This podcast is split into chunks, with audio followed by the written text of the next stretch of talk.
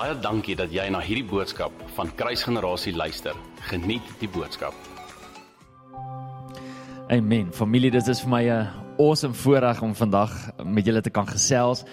Dis bietjie anders. Ons is dankbaar vir die feit dat ons in 'n uh, in die kerk kan wees, maar natuurlik mis ons julle ongelooflik baie soos wat Hanro ook gesê het vroeër toe hy hallo gesê het. Dit is net nie dieselfde om hier te staan en uh leë banke te sien nie. Maar ons maak die beste van ons omstandighede en ek glo regtig dat die die woord wat die Here op my hart gedruk het vir vandag regtig gaan hoop bring en ook so 'n bietjie ehm um, direction gaan bring vir waartoe ons as 'n kruisgenerasie op pad is en wat die Here ons voor geroep het. So twee weke terug het ek so 'n bietjie gesels oor the the praying church en ek het gepraat oor die belangrikheid van om te bid en die belangrikheid van die die hele woord wat die Here vir ons as 'n gemeente gegee het oor dat hierdie gemeente 'n huis van gebed gaan wees en dat hierdie gemeente geroep is om die tabernakel van Dawid weer te te herstel. En vandag wil ek so 'n bietjie gesels oor the singing church en ek is eintlik nog steeds in dieselfde gedeelte. Ehm um, die vorige keer het ons gelees uit Jesaja 62 uit. En ek wil nog steeds daaruit lees. Ja, ek gaan net sekere snippets uithaal. So as jy jou Bybel by jou het, asseblief maak oop by Jesaja 62 in die oomblik wanneer jy jou Bybel daar het, dan gaan ons bietjie saam lees vanaf vers 1 af want ek glo dat hierdie woord 'n woord is spesifiek vir ons as 'n familie. Met my hele hart glo ek die volgende. Jesus Christus kom terug vir 'n biddende kerk. Openbaring 22 vers 17 sê die Gees en die bruid roep uit. Hy kom terug vir 'n biddende kerk en Jesus Christus kom terug vir 'n singende kerk. Ek weet nie of wat so woord is so singende nie. Ek het dit nou net opgemaak. Soos 'n singing church. Hy kom terug. He's coming back for a praying church. He's coming back for a singing church. En ons as kruisgenerasie het die mandaat ontvang om hierdie tabernakel, hierdie hut van Dawid te herstel binne in Middelburg om seker te maak dat ons van ons kant af vir Middelburg sal sing vir Middelburg sal bid want dit is so belangrik om te weet dat dit wat Vader wil doen deur ons as 'n familie dat hy dit nie net wil doen vir ons nie maar dat hy dit ook wil doen vir ons dorp. So, Jesaja 62 vanaf vers 1 af, kom ek lees vir ons. For Zion's sake. Die vorige keer het ek so 'n bietjie verduidelik. Zion spreek van dit wat Dawid gedoen het bo op die berg. Die berg se naam was Sion, maar bo op daardie berg was die tabernakel van Dawid gewees waar daar vir 24/7 konstant gebed en aanbidding was en opgegaan het na die Here toe om hom sy naam groot te maak. For Zion's sake I will not hold my peace. Dis God wat hier praat. God sê hy sal nie gaan rus totdat daar nie vir Sion vir hierdie tabernakel van Dawid iets gebeur en deurbraak kom nie. And for Jerusalem's sake. Jerusalem praat van die profetiese, die die hele simboliek agter the gathering place wat obviously nou vandag vandag se tyd praat van die kerk. Op hierdie oomblik kan ons nie saam gather nie. Maar die woord van die Here sê waar twee of meer saam is, daar is ek ook. So daar waar jy in jou huis is, as jy twee of meer is, daar is die Here saam met jou vandag ook. En ek wil hê jy moet weet dat daardie skrif gesels nie van 'n alomteenwoordigheid nie. Hy praat van 'n gemanifesteerde teenwoordigheid. En dit is wat ons najag. For Jerusalem's sake, I will not rest until her righteousness goes forth as brightness and her salvation as a lamp that burns. So hierdie is wat God sê. Hy sê dat sy hart brand en hy sal nie rus totdat Sion, the place of singing, the place of prayer in Jerusalem, the place of gathering, totdat daai plekke nie op so 'n plek is waar dit letterlik gesien word deur hierdie hele wêreld nie so that it will be a salvation as a lamp that burns. Hoor wat sê hy? Hy sê the gentiles shall see your righteousness. Met ander woorde die ongelowiges, the gentiles shall see your righteousness and all kings your glory. Mense wat in invloed is, mense wat in goeie leierskapsposisies is, sal sien en bewus wees van dit wat God doen by 'n plek waar daar gebed is, waar daar aanbidding is en 'n plek van van gathering. By ons as kruisgenerasie, dis die woord wat die Here vir ons gee. Hoor wat sê hy verder? Ons skiep so 'n bietjie aan dan sê hy, "You shall also be a crown of glory in the hand of the Lord." Die oomblik wanneer dit herstel is en die oomblik wanneer ons in dit beweeg, dan is dit letterlik 'n kroon van glorie vir God. You shall no longer be termed forsaken. Met ander woorde, daar sal nie meer iets wees wat teen dit opstaan nie, maar dit wat teen dit opstaan sal afgebreek word want God fight vir hierdie. God is besig om hierdie ding te herstel. And as the bridegroom rejoices over the bride, so shall your God rejoice over you. En dan die bekende gedeelte wat gaan oor intersessie. Ek weet dat God besig is om 'n plek van aanbidding te herstel. En ek wil hê ons as 'n familie moet weet en verstaan dat 'n plek van aanbidding gaan meer oor liedjies. Dis meer as om net liedjies te sing. Dit gaan oor 'n lewe wat oopgebreek is en letterlik vir God uitgegiet word. Dit is wat 'n plek van aanbidding word. Maar ek wil ook hê jy moet weet dat 'n plek van aanbidding na God toe 'n plek 'n plek van worship bring na God dit wat mense veronderstel is om bymekaar te kry. Met ander woorde, kom kom ek verduidelik dit so.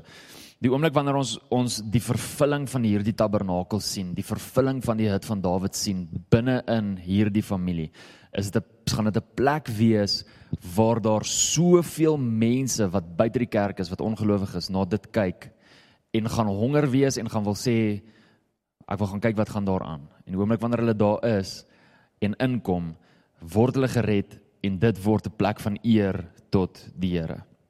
Dis 'n plek waar daar nie 'n kompromie is vir eerste liefde nie. Dis 'n plek waar dit gaan oor wat kan ek vir God gee in plaas van wat kan ek vir mense gee. Dit is wat 'n plek van aanbidding is. En in die Nuwe Testament in Handelinge 15 sien ons dat die hele kerk is besig om te redeneer en so klein bietjie te gesels oor die nuwe gelowiges wat inkom wat nie Jode is nie, um, wat van ander gelowe afkom en van ander stamme afkom, van ander generasies en lande afkom. En nou praat hulle oor, okay, moet hulle nou moet hulle gesircumcised word, moet hulle die wet volg, wat moet gebeur? En Jakobus, Jesus se boetie, die leier van die Jerusalem kerk, staan op en hy sê die volgende in Handelinge 15 vers 16 tot 17. Hy sê hierdie is 'n vervulling van wat God gesê het en hy quote Amos 9 en hy sê after this I will return and will rebuild the tabernacle of David which was fallen down. I will rebuild its ruins. Ek wil hê jy moet let op die die volgende woorde dat dit God is wat hier praat en dat God sê dat hy die een is wat dit gaan herstel En dan sê hy, and I will set it up so that the rest of mankind may seek the Lord, even all the Gentiles. Met ander woorde, as jy 'n kerk wil sien wat die verlore mense bereik, gaan dit 'n kerk wees wat bid en gaan dit 'n kerk wees wat sing. Want God verklaar binne in sy woord dat hierdie kerk gaan maak dat mense honger gaan wees om in te vloed sien toe en God na te jaag. Dis die woord wat die Here sê. Even all the Gentiles who are called by my name, says the Lord, hoor wat sê hy, who does all these things. Geen mens is besig om die ding te herstel nie. Geen mens is besig om te sê ja, ek dink is 'n goeie idee om die tabernakel van Dawid te herstel en om 'n dit 'n huis van gebed te maak en 'n plek van gebed te maak nie. Nee, hierdie is iets wat van God afkom. Hierdie is iets wat God besig is om te doen. En ek wil die volgende gedeelte met julle deel is is eintlik 'n ongelooflike bekende gedeelte. Ons het al daar gepreek ook. Maar ek wil nie hê dat die familiariteit van hierdie skrifgedeelte maak dat jy die openbaring mis nie. So maak jou gees oop en luister wat die gees van die Here vandag vir jou wil sê. As jy na Handelinge 16 toe blaai, dan sal jy sien dat ons daar lees van 'n geval waar Paulus en Silas in 'n dorp instap en die oomblik toe hulle toe hulle op pad is gebed toe is daar 'n diensmeisie en die woord van die Here sê she had a spirit of divination.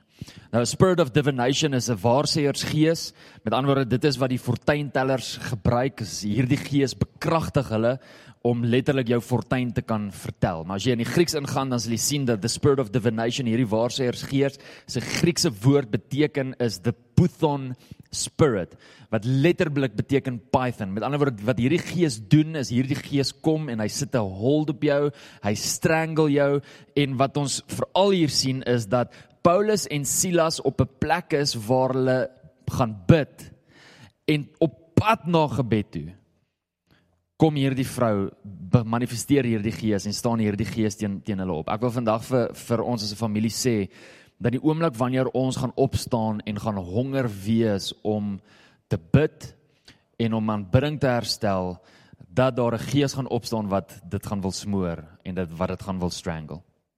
Maar dit is so amazing wat Paulus en Silas doen. Die woord van die Here sê dat dit vir dae aangegaan het wat hierdie vrou gekom het en gesê het wie hulle is en wat hulle doen. Maar op 'n stadium staan daar, daar staan in vers uh 18 staan daar and it greatly annoyed Paul.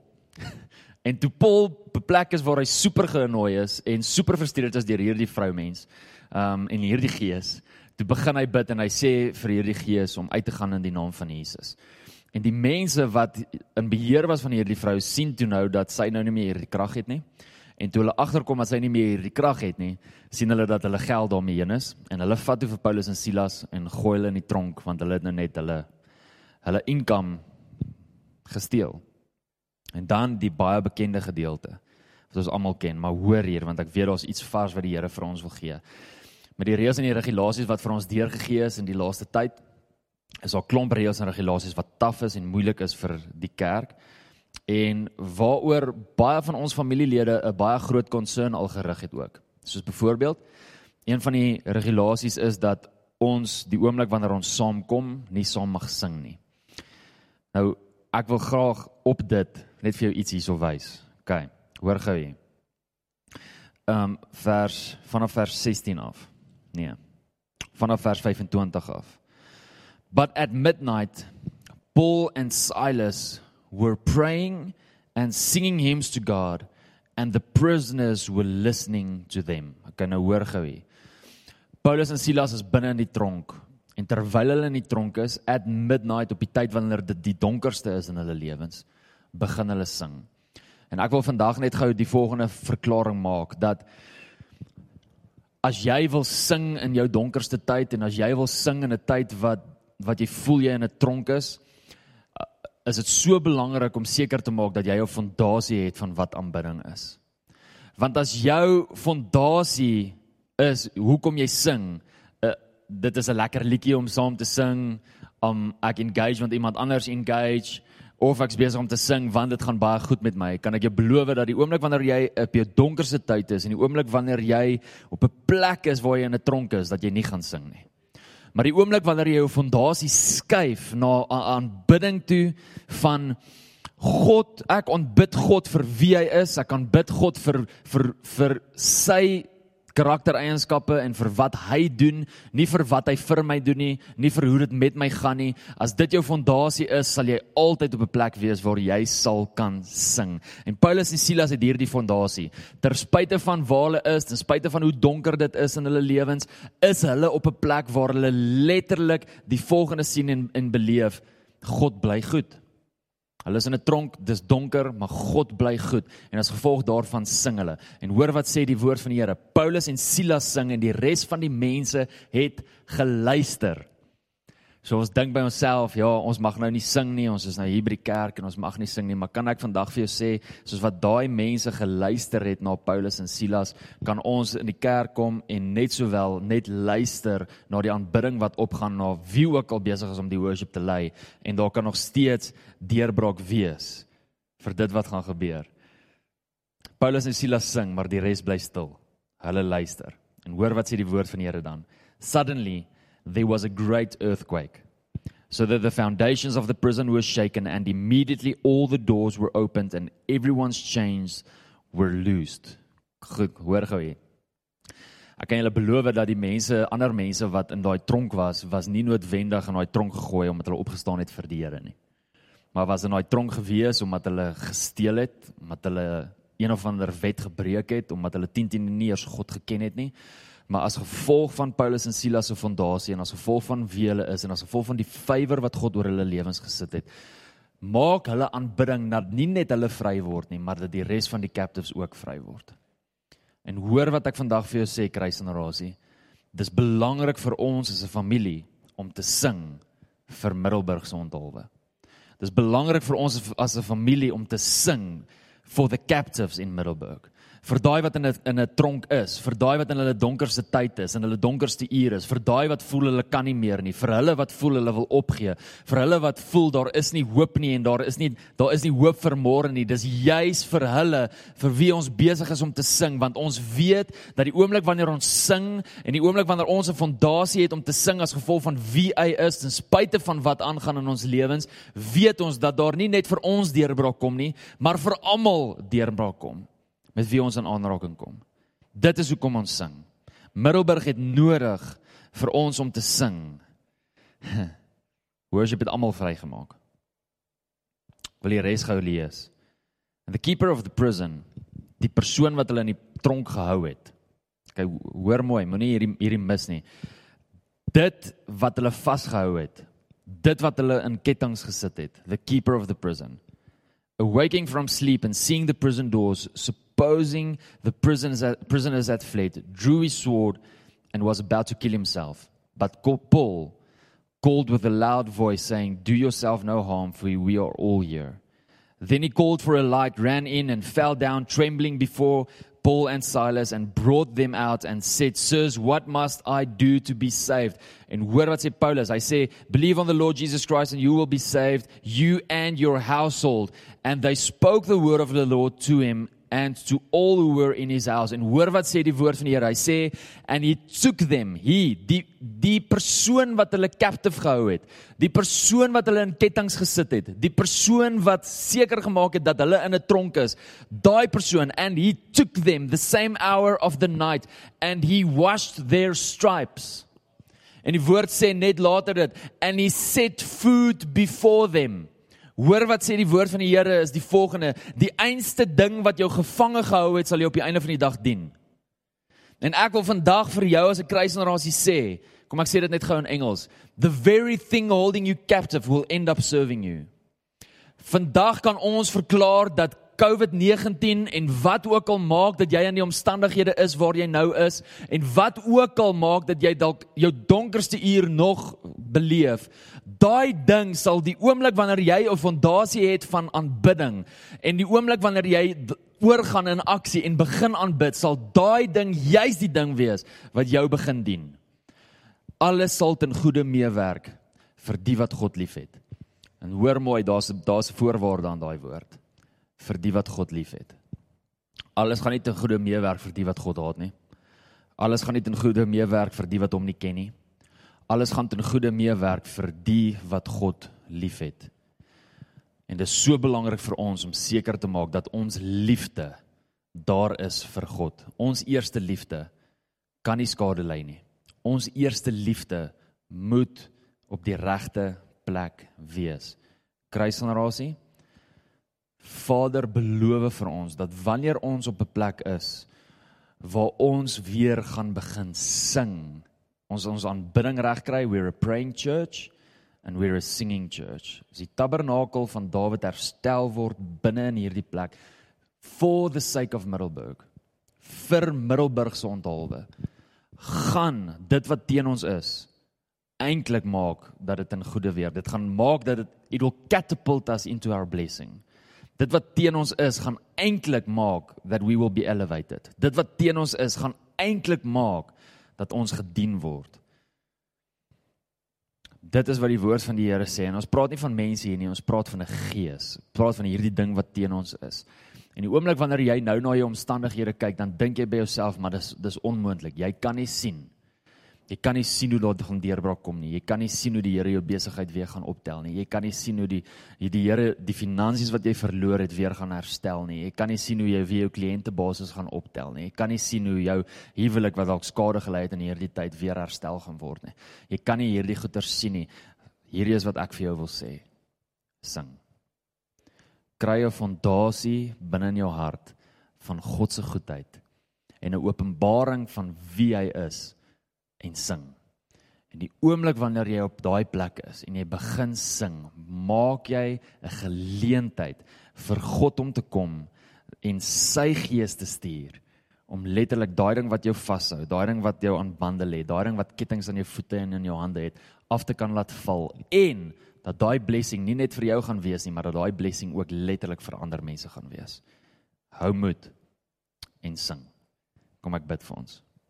Vader, terwyl ons in ons huise is en terwyl ons luister na hierdie boodskap, is my gebed die volgende: Heilige Gees, kom en blaas 'n vars woord oor hierdie woord in die naam van Jesus. Kom en blaas 'n vars openbaring, kom en blaas 'n opgewondenheid en 'n en 'n egte realiteit oor hierdie woord in die naam van Jesus.